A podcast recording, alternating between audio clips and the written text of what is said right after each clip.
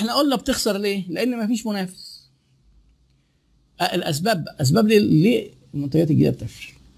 أول حاجة أنت في مرحلة الفكرة والسيرفي وإنك بتسأل ناس وتقول لهم إيه رايكم العينة كانت غير ممثلة أو سألتهم بشكل غلط فقالوا لك تمام فعملت تخيل ضخم لحجم السوق بالغت في حجم السوق.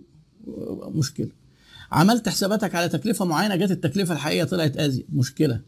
غلطت غلطة في أي حاجة في المزيج التسويقي اللي هم المنتج والسعر مواصفاته وتوزيعه والترويج ليه لأن أنت ما فيش حد بتقيس عليه.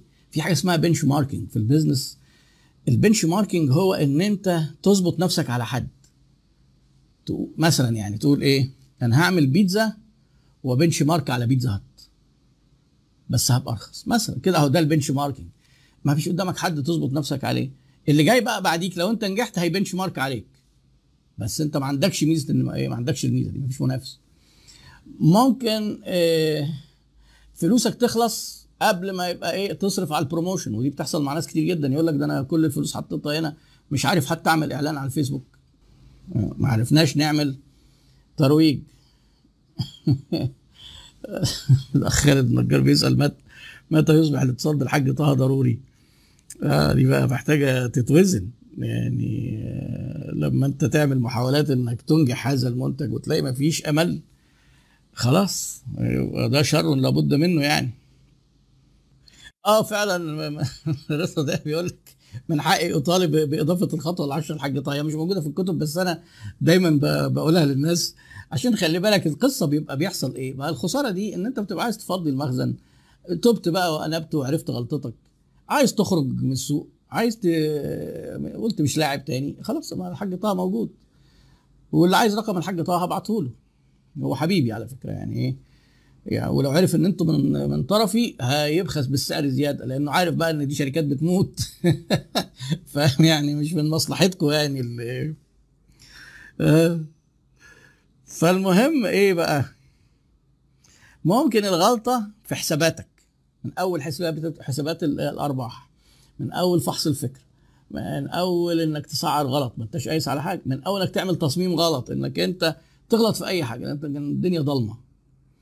أه؟ وبعدين آخر سبب إن المنتج ينجح. يجي واحد يقول لك بس متشكرين قوي قوي أنت تعبت معانا لحد هنا. آه البتاع ده بقى اللي أنت عامله مثلا عامل منه إيه 10000 إحنا هنعمل 200000 آه هو بيكلفك X إحنا هيكلفنا ربع X. وتلاقيه نزل طحنك وأنت خرجت. أنت يعني إيه كان ليك الفضل في التاريخ كده إن أنت عملت الحاجة الجديدة دي؟ بس جت وحوش دخلت خلصت اللي كملت المشوار. كل الشركة لو تلاحظ بقى إيه؟ يعني بص الخطوات اللي أنا بقولها لكم. فيسبوك موجود اهو ناجح. لما يجي الفيسبوك مثلا عايز ي test حاجة جديدة كده ما بيقومش عاملها لكل ال users. لا ده بيمشي بالخطوات دي برضه. مع إن هو إحنا مش دافعين له فلوس بس هو إحنا بنكسبه فلوس. لأن أنت قاعد على الفيسبوك أنت عميل بيجي معلن يستهدفك. لو انت زهقت من الفيسبوك ومشيت مش هيجي مش هيجي معلن يديله فلوس. فبيقعد بحذر كده يطور يعني أيام ما غير من ال like وقام عاملها الاختيارات كتير دي. عاملها كان على مراحل وكل دولة تنجح يدخل على اللي بعدها. وبعدين إيه لما بيجوا يضيفوا دلوقتي لو تاخدوا بالكم الفيسبوك عامل واجهة جديدة. يقوم مشغلها كده ويقوم فاصلها ويقوم مشغلها وبعدين يقول لك إيه عايز ترجع للفيسبوك القديم ارجع ما تمشيش وتسيبنا. خلي بالك إحنا بين test دايما testing. آه وفعلا آه، شركة Instabug دي startup مصري على فكرة من ال startups اللي نجحت جدا. هي آه، بتروح للناس بتوع ال applications تخليهم إيه يكتشفوا الأخطاء بسهولة حتى من ال users من ال users اللي هو بعد ما ينزل بقى ال launch ممكن تلاقي أخطاء. آه، عشان كده دايما تلاقي يقول لك الأندرويد عملنا version جديدة آه، حسنا ال security كان في bugs عالجناها. يعني موضوع ال development وال testing الخطوات دي بتبقى بتقعد شغالة طول الوقت يعني. آه، فهو الشركات الكبيرة ما بتاخدهاش كده الله ده فكرة جميلة يلا بقى كل 2 مليار يصحوا الصبح يلاقوها كده على الفيسبوك. لا طبعا الأمور لازم تتاخد بتعقل يعني. طيب آه، يعني إحنا كده إيه قلنا آه، الموضوع ده كده باختصار إزاي نطور منتجات جديدة؟ وإزاي نبتعد قدر الإمكان عن الحاج طه. يكسب من حد تاني. و... والحاج طه على فكرة كان معايا قريب. قلت له إيه أخبار شغلك يا حاج طه الأيام دي؟ قال لي زي الفل.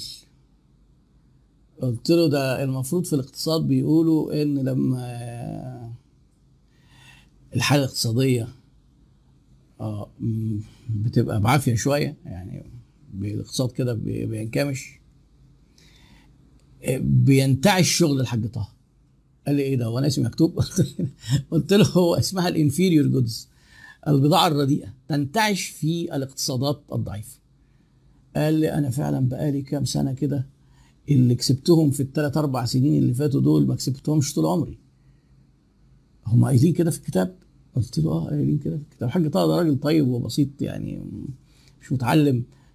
بس من وحوش الربابيكيا اللي عارفين هرم الربابيكيا في مصر متقسم كده العيال السريحة دول بيبيعوا لتجار وتجار هو بقى بيلم بقى الحاجات دي في الآخر وبعدين يوزعها بقى على ال...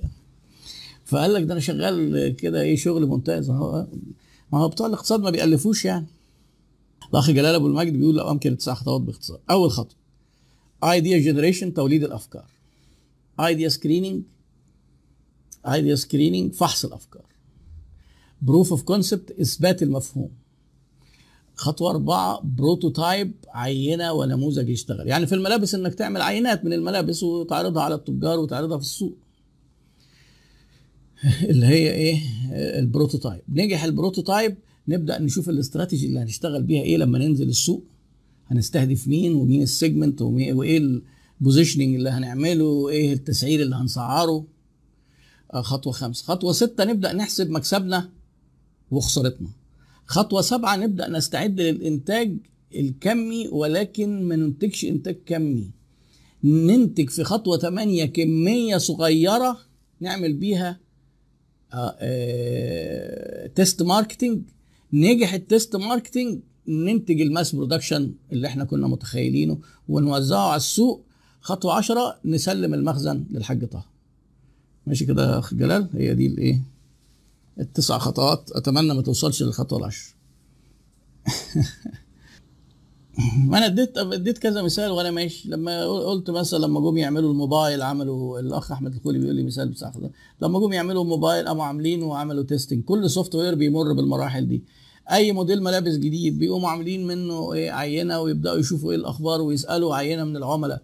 أكلة جديدة في مطعم بتلاقي بيجيبوا ناس كده إيه أصحاب مزاج كده ويقول لك إيه رأيك في دي؟ طب هنا أنا مرة حضرت قعده من دول يعني مطعم بيطور منتج جديد فجايب عينة من من اللي هم الأكيلة دول. آه، أنا أنا كنت موجود كتسويق بس أنا انبهرت من من مهارة الأكيلة دول والتعليقات اللي بيقولوها. آه، واحد مثلا بيقول لهم إيه الصوص اللي ما أعرفش اسمه إيه هنا التوم فيه زيادة. أنا ما حسيتش إن فيه لا صوص ولا توم أصلا. هم كانوا مديني بس كده عشان ما يبقاش شكلهم بايخ. آه، آه، بدوق معاهم وخلاص. أنا كان بالنسبة لي بتعشى يعني عادي. وبعدين مدين لهم بقى إيه عينات. أنا قلت لهم نعمل التيست ده علشان نشوف رأي الناس. لك أنا مش من ضمن الناس اللي ينفع يتخذ رأيهم في الحاجات دي ما بفهمش فيها قوي يعني. فأنت لما تيجي تاخد رأي الناس تاخد رأي ناس خبيرة ومن الايه العينة المستهدفة. ما تروحش تاخد رأي مثلا إيه مراتك وتقول لك الله يا حبيبي أمور طول عمرك طول عمرك سابق عصرك. مع السلامة. متفقة مع الحاج طه خلي بالك.